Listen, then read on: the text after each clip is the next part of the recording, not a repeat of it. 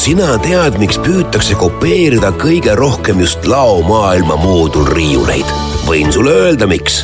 sest paremat süsteemi pole veel välja mõeldud. laomaailma moodulriiulid on loogilise konstruktsiooniga, vastupidavad ja mitmekülgse kasutusega. tule läbi laomaailmast ja veendu ise. lähem info laomaailm.ee eetris on Estonian Business School, ettevõtlusmaailma edulood ja värskeimad trendid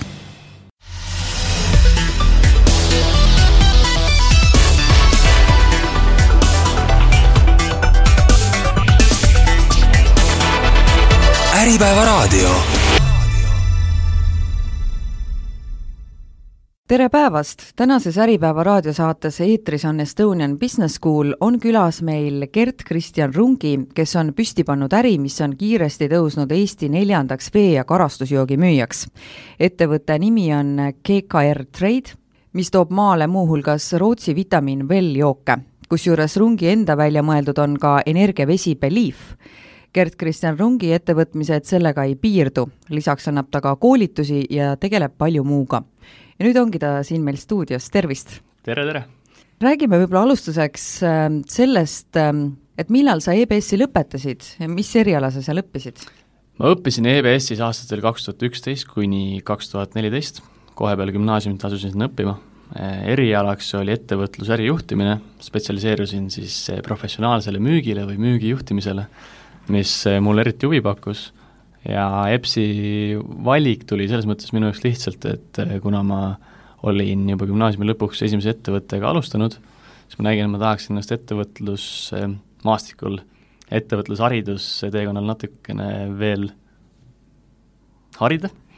Ja, ja siis tegelikult saigi otsustatud, et ma tahan majandust õppima minna ja erinevate koolide vahel valides siis EBS jäi minu jaoks peale ja selle ma valisin nii et sa olid ettevõtja juba enne kooli astumist? jaa, võib nii öelda.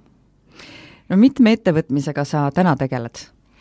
täna tegelikult ma tegelen eelkõige ühe ettevõtmisega, ehk siis GKR Trade on mu põhiline, põhiline igapäevatöö ja kui ma olen tegelikult eh, toimetanud eh, varasemalt eh, noores eas erinevate ettevõtetega ühel ajal, siis ma tegelikult olen aru saanud, on see, et sul peab fookust olema et fookus on, ma arvan, ettevõtluse juures üks selline põhiline märksõna, et kui sa tahad millegis heaks, heaks saada, siis sa ei saa tegelikult ilmselt kümne erineva asjaga tegeleda. et eh, kui sa ise vähemalt seda asja pead run ima, siis üks-kaks asja on maksimaalselt see, mida sa noh, tegelikult hästi saad teha. millal sul see fookus siis paigas oli juba? no fookus tegelikult sai paika hiljem, fookus sai paika siis, kui ma Vitaminvelliga hakkasin tegelema ja nähes selle toote väga suurt potentsiaali, siis kahekümneaastaselt sain fookuse paika aga tegelikult mul on andmed, et sa tegelesid äh, sellise ettevõtlusega juba varem kui kahekümneaastaselt ja sul oli juba siis mingisugune fookus juba paigas yeah. et äh, räägi võib-olla sellest, et äh, kui sa olid täitsa alaealine ja sa asutasid ühe hambapalgendustooteid pakkuva veebipoe ja tegeled sellega siiani, siis kuidas sind selline toode üldse huvitama hakkas?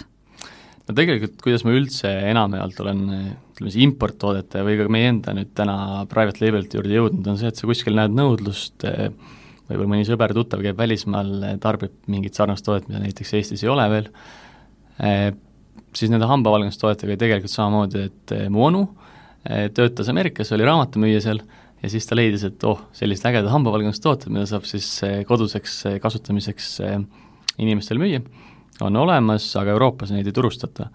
ja, ja siis, kuna tema ise ei jõudnud oma töö kõrvalt sellega tegelema hakata, siis ma otsustasin kümnendas klassis, et ma teen selle ise ära ja panin ise e-poe püsti, tellisin e-Bayst esimese karbi hambavalgendusplaastreid viiekümne euro eest, mille ma sain oma emalt laenuks siis.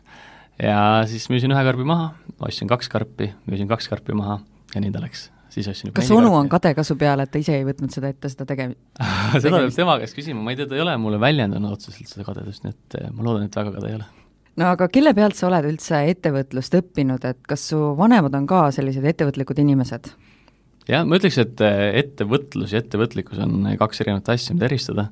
et mu vanemad ja üldse mu perekond on kindlasti väga ettevõtlikud, eh, nad ei ole olnud terve aeg kõik ettevõtjad, aga ütleme, et mu ema oli minu jaoks heaks motivaatoriks selle osas, et hakata ettevõtjaks, kuna tema oli tol hetkel, kui ma käisin põhikoolis ja gümnaasiumis, oli raamatupidaja ühes suures ettevõttes.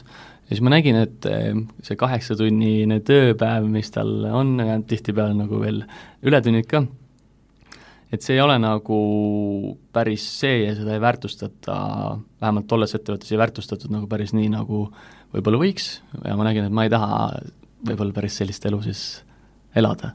et lähen hommikul tööle, õhtul tulen koju, käin poes ära ja siis lähen vaatan telekat natuke, magan, lähen jälle tööle ja ja nii edasi, et tahaks nagu natuke midagi rohkem teha võib-olla. ja tänaseks on mu ema ka ettevõtja, nii et selles mõttes sinu pealt õppis siis? Ja me oleme tegelikult koos ettevõtjaks kasvanud, sellepärast et tema täna pakub siis finantsteenuseid ja üheks suuremaks kliendiks on GKR Trade. millega su isa tegeleb? mu isa on olnud eh, tegelikult eh, ütleme siis ettevõtja pikemat aega, tal on eh, kaks populaarset söögikohta, mida ta haldab, üks on siis Nuku klubi, mis on kultuuriinimeste selline lemmik peokoht, ja teine koht, kus ta on seotud, on restoran Elevant vanalinnas. see on üks mu lemmikuid kohti. jah, seal on väga head toidud ähm,. Räägi, kas sul on õdesid-vendi ka, kes, ähm, kes äh, sinu pealt oskavad siis õppida sellist äh, olema ettevõtlik?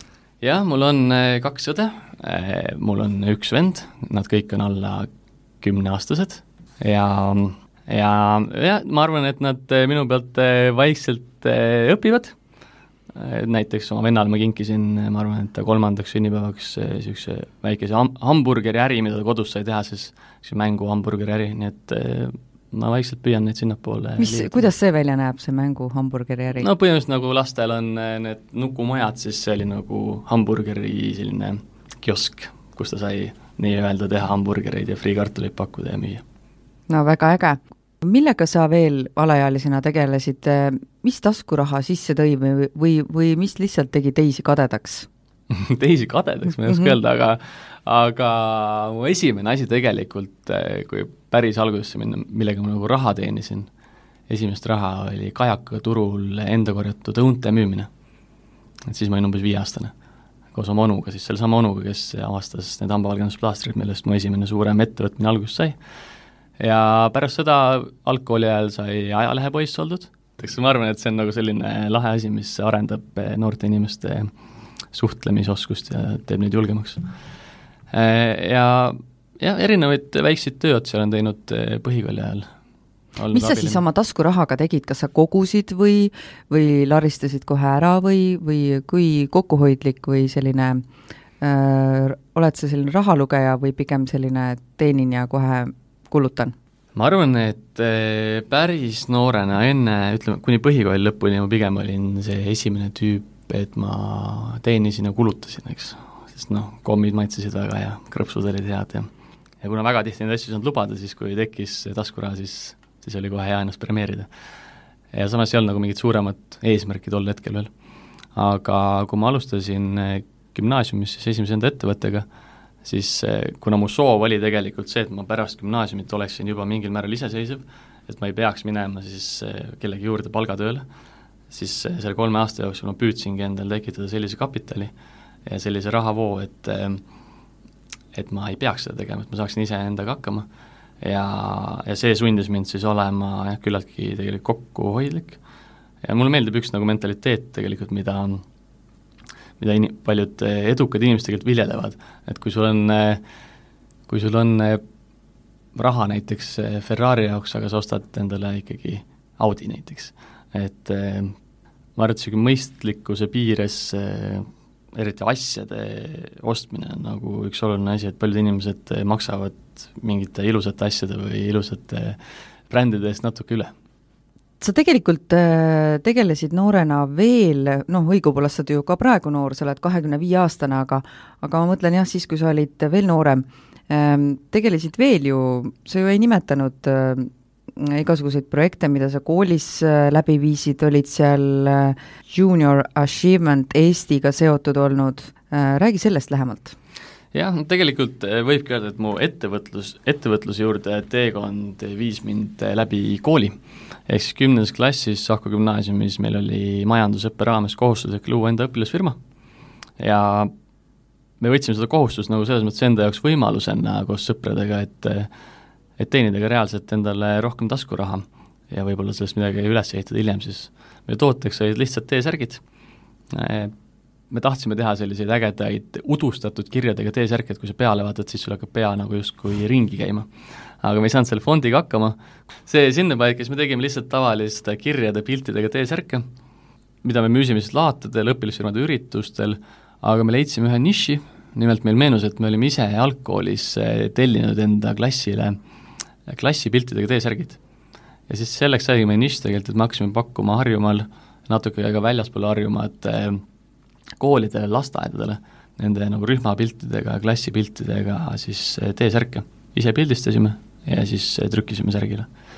ja sellest, eh, sellest tegelikult innustust saades, et meil see edukalt läks, saigi siis loodud esimene ametlik osaühing ka, mis hakkas nende hambavalgendustoodetega tegelema ma kuulsin midagi ka Edgar Savisaare pildiga T-särkidest. jaa, me tegelikult arendasime lõpuks välja ka T-särgid siis, kus olid joonistused peal, et meie üks klassivendadest, kes on andekas kunstnik, joonistas erinevaid pilte erinevatest inimestest ja jah, Edgari särk oli meil üks populaarsemaid särke riigikogulaste hulgas, et ehm, see oli niisuguse natuke pilava sloganiga ja siis reformierakondlased kandsid seda kõik mis see slogan oli? räägin eesti keelt sama hästi kui eestlane, niisugune sügavmõtteline Ehm, kes selle turundusega siis tegelesid, et ka samuti teie kõik tegelesite?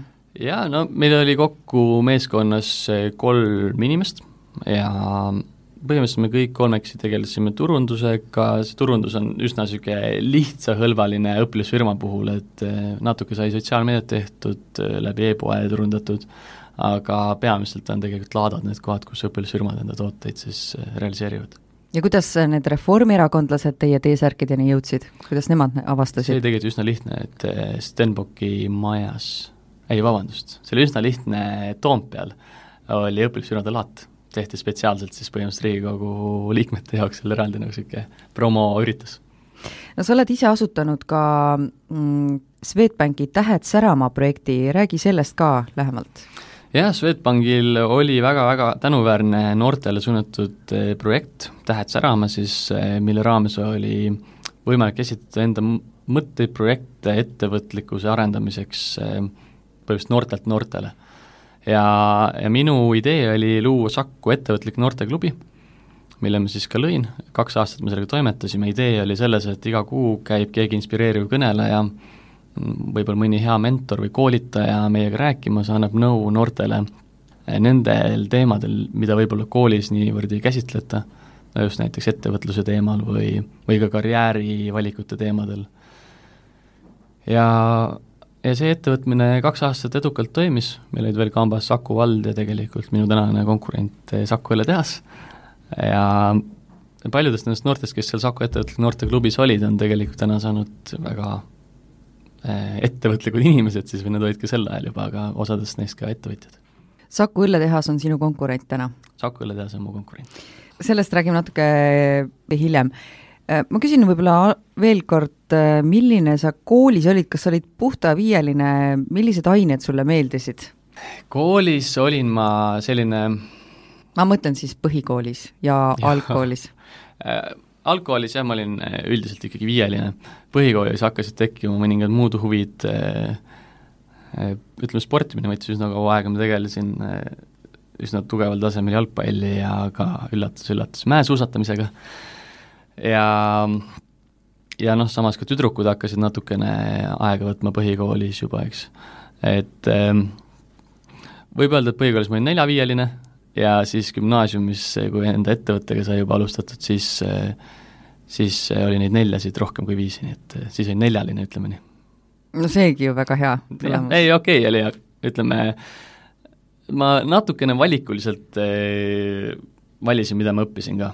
Mul väga meeldisid eh,, noh, majandusõpetus oli mu lemmikaine, eks eh,, see oli nagu number üks, mida siis Saku koolis terve gümnaasiumi vältel eh, õpetatakse mulle meeldis tegelikult kirjandus, sest ma olen töötanud ka ajakirjanikuna natukene. tõsi, kus kohas? tõsi, niisuguses väikses Saku valla lehes nagu Saku Sõnumid ja ja need olid, ma arvan, kaks nagu lemmikainet, majandus ja kirjandus. ma ei saa öelda, et mulle ükski muu aine väga ei meeldinud, pigem nagu kõik olid okeid, et mõned olid lihtsalt natuke raskemad no räägime nüüd sinu ettevõttest GKR Trade, et ähm, äh, kas ähm, saan õigesti aru, et see tekkis tänu sellele, et sa avastasid selle Rootsi ettevõtte vitamiinvelli joogi? no tegelikult see tekkis sellest, et ma nägin, et äh, paljud inimesed käivad Ameerikas ja ka Soomes tegelikult või Rootsis, äh, ostavad vitamiinijooke endale Eestisse, kui tagasi tulevad, või teevad neist pilte sotsiaalmeediasse. Ja, ja siis ma otsisin lihtsalt mõningaid erinevaid brände, kellega esialgu jutule ei saanud.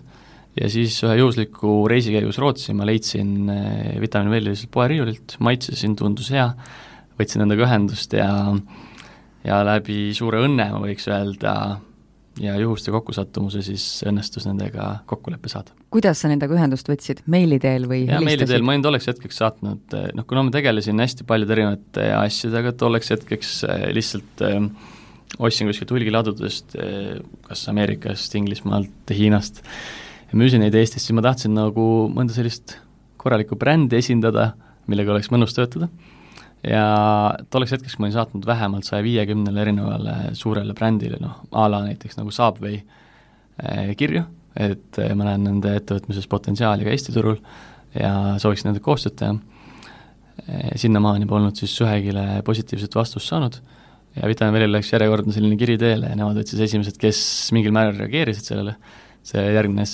kohtumine Stockholmis, mille käigus me jõudsime siis kokkuleppele. Kuidas sa nagu tuled selle peale, et, et, et võtta ühendust äh, selliste suurte kettidega, et ja lihtsalt saata neile kiri? et kas sa mm, oled lihtsalt sõpradega arutanud omakeskis, et mida võiks teha tulevikus või, või sa ise, ise tuled selle idee peale ja kellelegi ei ütle ja, ja siis salaja noh, võtad ühendust? Ma pean ütlema, et tegelikult paljud need ideed on tulnud mulle sõprade poolt just, kes on soovitanud, et ei, et vaata, et sellist asja Eestis ei ole, et võib-olla sellel oleks pointi. ja nüüd ma kuulen jällegi välismaalt, et sõbrad, kes välismaal elavad, ütlevad, et kuulge, et meil ei ole siin riigis vitamiinijooke või energiavett, et et äkki tulete siia ka toimetama. Austraalias muide meie ühed tuttavad hakkasidki meie energiavett müüma täiesti. aga jah, et see teki-, ütleme, need mõtted tekivad ka endal reisides kui sa näed, mis välismaal toimub, noh, Subway lihtne näide, eks. nii et sa oled räägid... palju reisinud siis? no jah, mitte väga palju, aga, aga ütlen, nende reiside käigus ma olen eh, püüdnud lihtsalt palju asju tähele panna.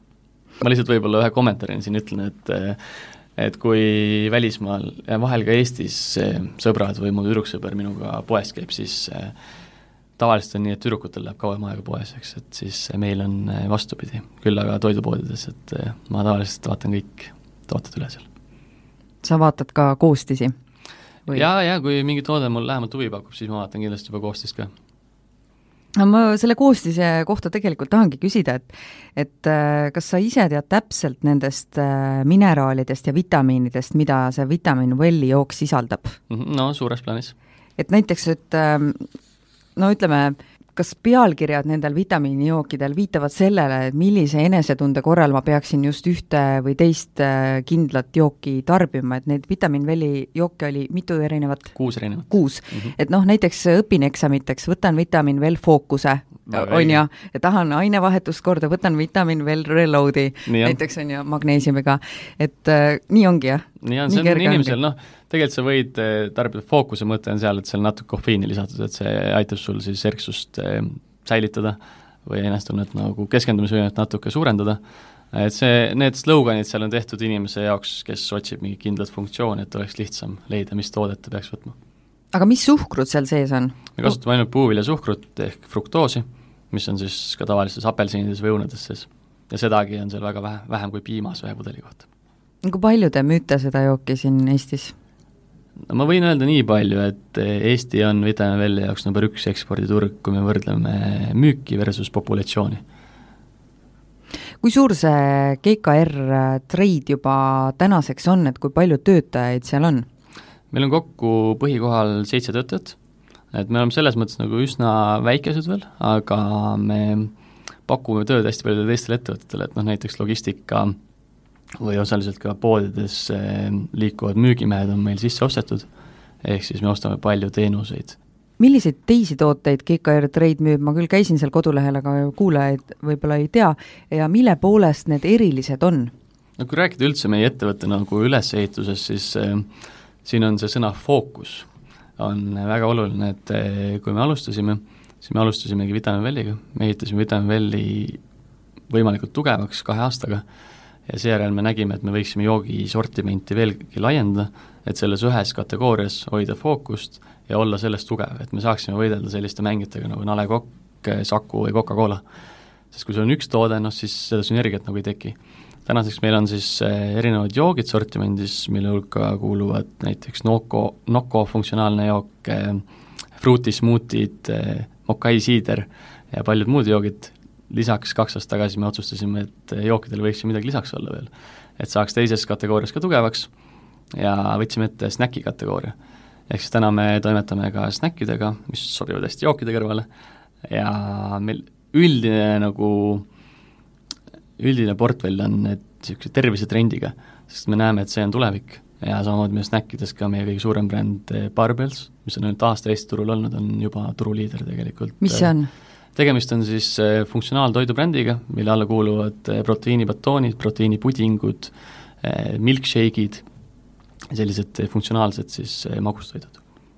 aga seal siis see point on selles, et seal ei ole kasutatud väga palju suhkruid meil on veel portfellis äh, snäkkides siis krõpsud, pähklid.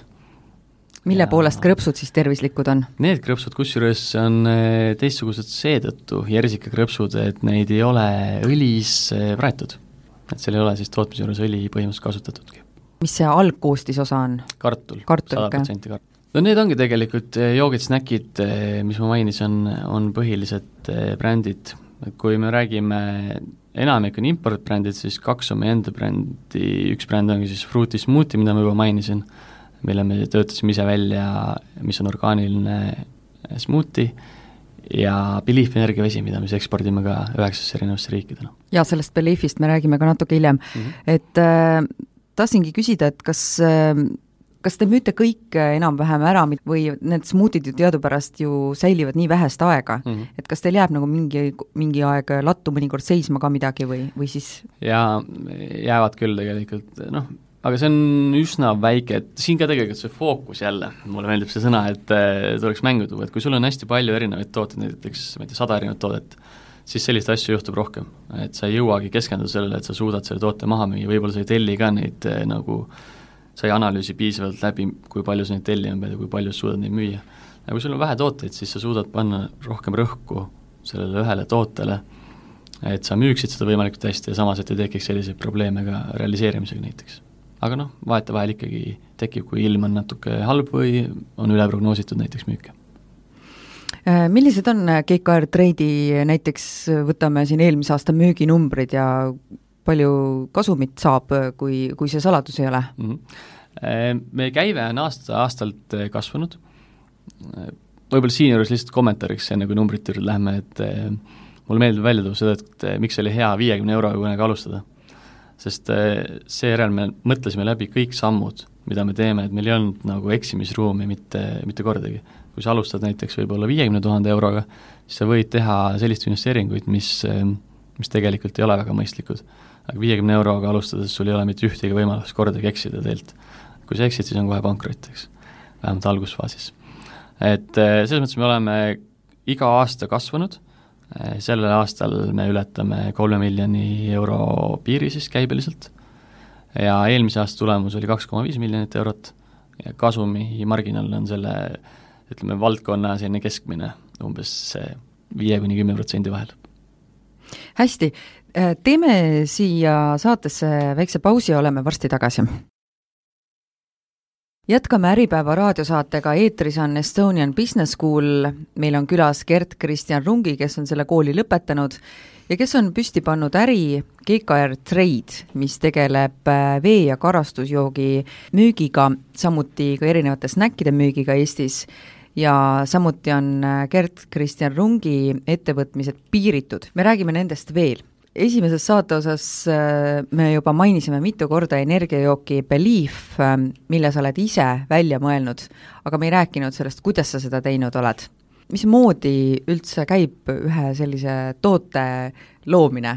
Äh, esimeses, kaks parandust pean tegema, kõigepealt Belief on energiavesi, me tahame töötada energiajookide vastu, võib öelda. me võitleme Aha. nende vastu Teiseks, ma ei mõelnud seda ise välja, pigem mõtles selle välja mu äripartner Raido Keremäe, kellega koos me seda asja ajame, aga jah, me üheskoos siis selle mõtteni tema initsiatiivil jõudsime ja kuidas me selleni jõudsime, oli tegelikult see, et me kuulsime paljudelt IT-meestelt just seesama probleem, et nad joovad meeletut energiajooke, mis ei mõju A nende kehakaalule hästi, B üldse nende nagu eneseolekule või enesetundele lõppkokkuvõttes hästi.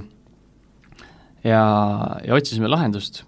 Ja natukene uurides siis jälle tuli mängu natuke välismaa ka, et me nägime, et USA-s nagu üks, üks energiavesi on olemas. Ja see tundus selline loogiline jätk nagu tegelikult energiajookidele, et kui me vaatame karastusjooki, siis karastusjoogid lähevad aasta-aastalt eh, tervislikumaks.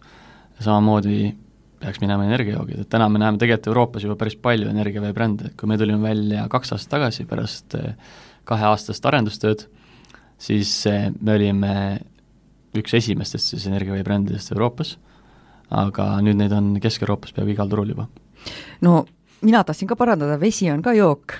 jah, no seda küll, selles mõttes küll, aga lihtsalt energiajook on natuke nojah, me teame jah, mis asi see on, palju suhkrut ja just. no aga mis selle Beliefi sees siis on suhkru asemel?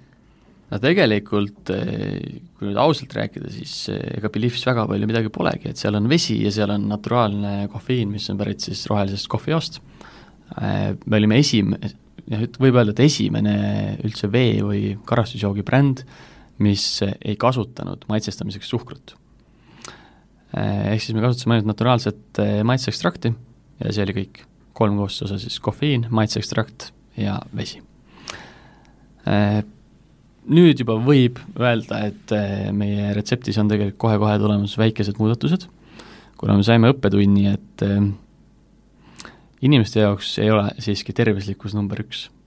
toode peab olema võimalikult tervislik, aga ta peab olema ülimaitsev või väga maitsev. nii et eh, me oleme natukene kontseptsiooni ümber tegemas, ehk siis me jääme ikkagi tervislikuks, aga toode muutub oluliselt maitsvamaks ja millega kõik, kes... te seda maitsestate siis ikka selle fruktoosiga? jah, me lisame ka natukene fruktoosi siis tootele. et kõik, kes Beliefi maitses seni on pettunud, siis varsti-varsti on poelettidel uus toode, mida soovitan kõigil proovida. kuidas sa selle peale tulid, et siidrit hakata müüma? et selle tegelikult lugu on väga lihtne, me tegelesime, tegelesime tol hetkel ainult Vitamin Welliga kaks tuhat kolmteist aastal ja siis sai käidud ühel oma sõbrannal külas Taanis, kes ütles, et näe, vaata, et siin kõik eh, inimesed joovad, noored inimesed joovad seda Mokai siidrit.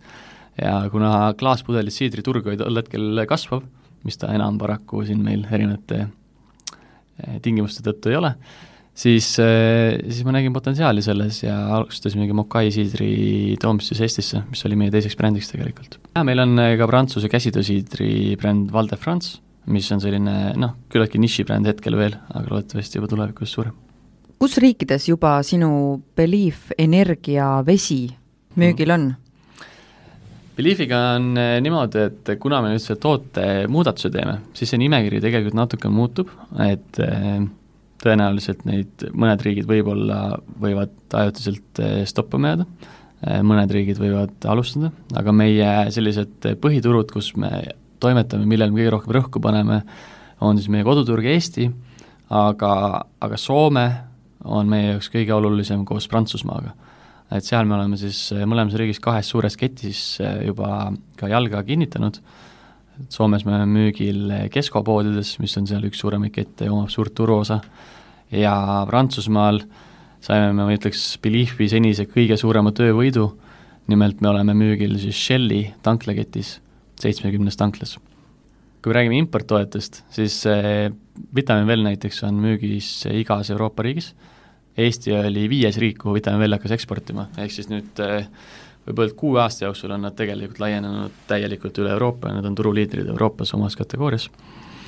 Eh, muud brändid olenevalt brändist täiesti, et noh, Arizona jäätee näiteks, mis on meie üks suuremaid brände ka, eh, see on Ameerika üks suuremaid karastusjooke üldse, nii et ta on müügil nii Euroopas, Ameerikas kui Aasias, igal pool. Kuidas sa ise tunned, kui Beliefi jood? Kas see annab piisavalt energiat? Või mida teised on öelnud?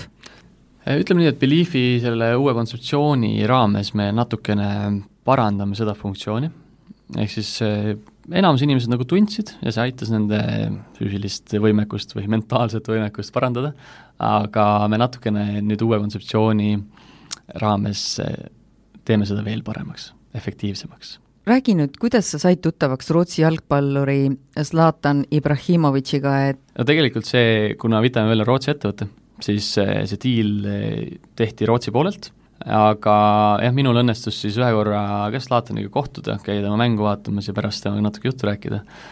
et äh, kuidas ütleme, Vitamin Well üldse sai Zlatani endale reklaamne jaoks, oli tegelikult tänu sellele, et kuna ta on suur Rootsi patrioot ja talle väga Vitamin Well endale meeldib, ja talle anti lisaks veel võimalus tegelikult seal retsepti osas ehm, kaasa lüüa ja tegelikult töötada välja täiesti enda jook.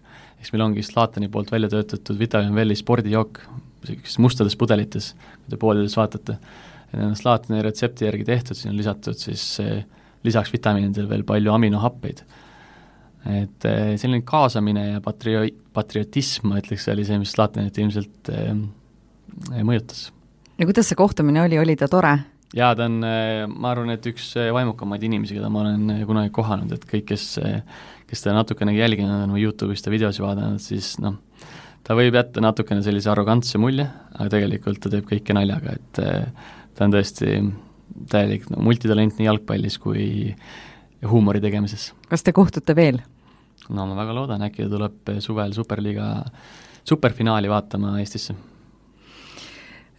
Räägi, mis sind elus kõige enam inspireerinud on? mind on elus inspireerinud kõige rohkem ma arvan, see, et kui sa teed midagi ära ja sa näed, et et see viib mingi hea tulemuseni, et teistele inimestele meeldib see, noh, meil on olnud tegelikult näiteks ka Vitamin Welliga alustades esimesed inimesed, kellele ma seda toet näitasin, olid nagu üsna pessimistlikud, et et kes sellist jooki küll tarbima peaks, et üsna kallis ka veel ja et et nagu ei näe pointi.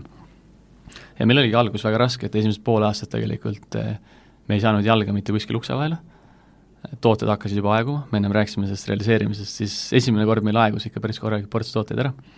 Aga siis jälle läbi selle, et me olime pool aastat tegelikult nii kõvasti vaeva näinud, me olime ise randades käinud inimestele tooteid tutvustamas, kõikidel üritustel väljas olnud, kus võimalik, siis suured jaeketid hakkasid meid lõpuks eh, leidma ja märkama, nii et eh, esimene kett, kes meile suurem võimalus andis, oligi Selver tegelikult. ja tol hetkel, kui ma sain teada, et Selver meie tooted müüki võtab, siis eh, oli selline tunne, et et ma oleks nagu olümpiavõitjaks tulnud. selline ääretu sisemine rõõm oli tegelikult noh, sellisest natuke naljakast asjast täna, täna mõeldes, aga ütleme, minu jaoks oli see see hetk, et kas ma suudan ettevõtjana läbi lüüa või mitte.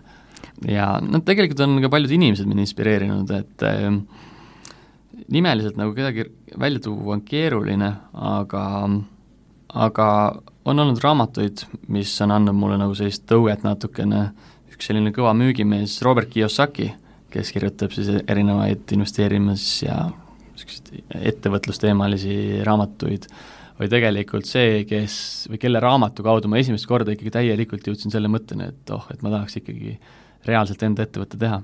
ja see juhtus jälle mu kurikuulsa onu Sulevi siis e, tõttu, sest tema, kes käis seal Southwesternis raamatuid müümas, andis mulle kätte Robert Kiyosaki Rikas isa, vaene isa raamatu ütles, et loe see läbi, mina üheksandas klassis mõtlesin, et okei okay,, ma võtan raamatu viisakalt vastu, et ei hakka ütlema, et tõenäoliselt ma seda väga ei loe. aga kui ma kõndisin koju, umbes kilomeetri kaugusel, siis ma samal ajal juba hakkasin sirvima seda raamatut. ja see raamat kõnetas mind sellepärast, et alguses Robert räägib sellest, kuidas tema noore, umbes minu vanusena tol hetkel, müüs siis kas mi-, äkki mingeid mahlajooke enda kodu ees ja teenis sellega raha. ja see oli niisugune tunne nagu noorelt noorele soovitus, et hakka ise ka ettevõtjaks. ma, nüüd oli see mu järgmine küsimus, tahtsin küsida, et mida sa soovitad ähm, teistele noortele, kes tahaksid ka varakult äh, saada äh, ettevõtjaks, inspireeri neid võib-olla paari sõnaga ma ütlen selle kohe ära, et ma arvan, et kõik ei pea saama ettevõtjaks, ma arvan, et kui sa oled ettevõtlik inimene nagu sina, siis on ju ka tegelikult elu väga tore, et sa teed ägedaid asju, sa teed seda, mis sulle meeldib, et ähm, pigem jah, kuidas siis olla ettevõtlik ja teha seda, mis sulle meeldib äh,. Üks asi on noortena või noorena hästi lahe, et sul on hästi palju erinevaid äh, projekte, kus sa saad osa võtta. hästi palju erinevaid ähm, organisatsioone, mille töös sa saad kaasa lüüa, kus sa saad palju tuttavaid, võtame näiteks õpilasomavalitsused, et ähm, tihtipeale mõeldakse, et ainult nohikud käivad nendes õpilasomavalitsustes midagi tegemas, aga tegelikult ma ütleks, et see on ideaalne koht, kus saada kogemusi, tutvusi kogu eluks. sest nendes kohtades liiguvad üldiselt need inimesed, kes, kes on ka keskmisest ettevõtlikumad. kui projektidest rääkida, siis minu näide oli Tähed särama projekt ja üks äge projekt, mis on tegelikult Eestis veel, on töövarjupäev. et see on, ma ütleks, üks kulda väärt üritus, mille raames siis noortel on võimalik käia vabalt valitud inimesega, kes neid huvitab või kelle töö neid huvitab, lihtsalt päeva ringi ja näha, kuidas nad töötavad. et mina siis, äh, mul oli tegelikult põhikooli lõpus veel kindel mõte, et ma hakkan äh, ajakirjanikuks, lähen ajakirjandust või meediat õppima ja siis ma läksin töövarjuks Meelis Mandlile, muide. nii et äh, olen Äripäevas ennem ka olnud. ta on meil siinsamas, kusjuures siinsamas akna no, taga istub. Ja ei saa öelda, et see kogemus mind oleks hirmutanud, aga üks asi tegelikult, mis ma sellest päevast sain nagu hea mõte, mille peale ma kuidagi ei olnud tulnud ja mis oli loogiline, et eh, Äripäevas ju enamus ajakirjanikud ei ole õppinud ajakirjandust või meediat, nad on õppinud majandust. ja, ja siis ma hakkasingi mõtlema, et okei okay,, et võib-olla majandus ongi hoopis see teema, et eh, et siis ma saan mõelda, et kas ma hakkan ise ettevõtjaks või võib-olla saangi hoopis Äripäeva ka kunagi tööle. et ühesõnaga, minna sinna valdkonda sisse, mis sind huvitab, näha, kuidas see töö seal käib, järgmisel aastal ma läksin Andrei Korobeinikuga, kes siis kurikuulsa rate.ee looja on, ja mulle meeldis tema päev samamoodi, et ähm, oli lahe näha siis sellist nagu täielikku ettevõtja tööpäeva ka. ja jah, üks mõte tegelikult veel, kui teil on, kui noortel inimestel või miks mitte ka vanematel inimestel on mingeid mõtteid, et äh, mida nad tahavad tegema hakata, siis eh, kõige parem on katsetada seda, minna näiteks kas või praktikale kuskile või minna siis sinna ettevõttesse lühiajaliselt tööle, et näha, kuidas sulle see asi meeldib, mina läksin eh, Saku vallalehte siis eh, ka sellise üks kümnendik koha peale tööle, tegin seal kaastöid ja sealt ma sain meeletult hea kogemuse nelja aasta jooksul, et mida siis selline nagu äh, ajakirjaniku töö võiks endast kujutada ja kuidas see mulle meeldib. mulle iseenesest meeldis see, aga ütleme nii, et mulle hakkas ettevõtlus rohkem meeldima. no väga tore, kas äh, soovitad siis minna EBS-i ka õppima? jaa, ma soovitan kindlasti minna EBS-i õppima, et minu jaoks, minu jaoks oli see väga super, et samal ajal, kui ma enda ettevõttega tegelesin, siis ma sain reaalselt äh, ka praktikutelt teoreetilisi siis kui ka praktilisi näpunäiteid et ma hindan väga EBS-i just äh, õppejõude nende enda tausta tõttu, et nad on reaalselt kuskil midagi ise teinud ka ettevõtluses. ja mulle meeldib see ka, et EBS-is ju äh, nad hoiavad kätt pulsil igal õpetajal, et millega nad tegelevad, eks ole, sellepärast meil ka selline saade. aga äh, võib-olla küsiks ka, et milliseid koolitusi sa annad tegelikult eh, ma konkreetseid koolitusi ei anna, ma käin eh, lihtsalt erinevatel noorteüritustel aastas, ütleme selline kümme kuni kakskümmend korda esinemas, lihtsalt rääkimas sarnastel teemadel, nagu me täna oleme rääkinud, ja püüan natuke suunata noori, et eh, mida nad võiksid teha, kuidas nad võiksid enda ande ja siis selle passion'i leida. ja tihtipeale ma võtan ka tegelikult noori endale töövarjudeks vabalt valitud aegadel, et nad saaksid ennast äh, kurssi viia meie valdkonnaga. räägi mulle, milline näeb välja sinu tavaline tööpäev? kas sa ärkad kõigepealt äratuskellaga? mina ei ärka tavaliselt äratuskellaga, ma ärkan tavaliselt selle peale, et mu tüdruksõber on ärganud. ja, ja siis ma ajan ka ennast üles. tavalist tööpäeva mul, ma arvan, päris ei olegi, et kõik päevad on eh, mingil määral erinevad, aga, ja olenevalt ka hooajast, et ähm, no üldine tööpäev on ikkagi kaheksa pluss mõned tunnid. teed sa seda kodus või kontoris? mulle meeldib tegelikult aeg-ajalt töötada ka kodus või kuskil väljaspool kontorit, lihtsalt selles mõttes, et siis saad üksinda rahulikult oma mõtteid mõlgutada, et kontoris on ikka mingi väikene sagimine, aga, aga kuskil väljaspool olevas keskkonnas sa saad võib-olla natuke paremini mõtteid mõlgutada veel. Et aga ma olen, üldiselt olen ikka kaheksa tundi päevas ka kontoris olemas ja võib-olla siis pärast või enne teen kodus tööd. et eile meil näiteks oli üks suur kuu alguse kokkuvõttev miiting meie tootejuhiga ja selle me tegime siis minu terrassil hoopis, kuna nii ilus ilm oli, siis viis tundi veetsime terrassil, lõpuks oli päikesepõletus ka muidugi, sest koosoleku käigus ei pannud tähele, et nii tugev päike on. Sa tundud väga lahe tööandja no ma loodan, seda peavad teised inimesed ütlema. kas sa armastad Eestis elada või tahaksid kuskile välismaale? mulle väga meeldib Eestis elada, eriti selliste ilmadega, nagu siin praegu on, et ähm, ja ka sellise talvega, nagu meil see aasta oli. see annab sulle suurepärast võimalused suusatamiseks, mis mulle väga meeldib, äh, ja suvel, kui meil on ilusad ilmad, siis see on geniaalne, aga samas mulle meeldib äh, käia maailmas ringi lühiajaliselt ja Eestist tagasi tulla, sest iga kord, kui ma Eestist tagasi tulen, siis ma tunnen, et äh, et see on see koht, kus ma tahan olla. kuhu edasi, et millised on sinu tulevikuplaanid, kas sa, kas sa tunned, et sa tahaksid veel midagi võib-olla õppida, ähm, veel mingisuguse ettevõtlusega seotud plaanid äkki sul varuks veel? jah, seda on hästi raske täna nii kiiresti muutuvas maailmas äh, öelda, aga ma arvan, ma kunagi õppima lähen äh, midagi loodetavasti EBS-i, magistrikraadi siis, et siiamaani mul on äh, bakalaureusekraad käes tööalaselt on, on ka väga-väga keeruline öelda, aga mida ma kindlasti tahaksin teha, ma tahaksin rohkem hakata rõhku panema just välisturgudele, et Eesti siis, eestlastele midagi, või Eesti riigile midagi pakkuda, ütleme siis tööandja kui ka maksude näol, ja samas turustades tooteid väljaspool Eestit. et elame-näeme, loodetavasti mõni meie bränd vallutab maailma. suur tänu sulle stuudiosse tulemast meie saatesse! aitäh kutsumast! Eetris on Estonian Business School, ettevõtlusmaailma edulood ja värskeimad trendid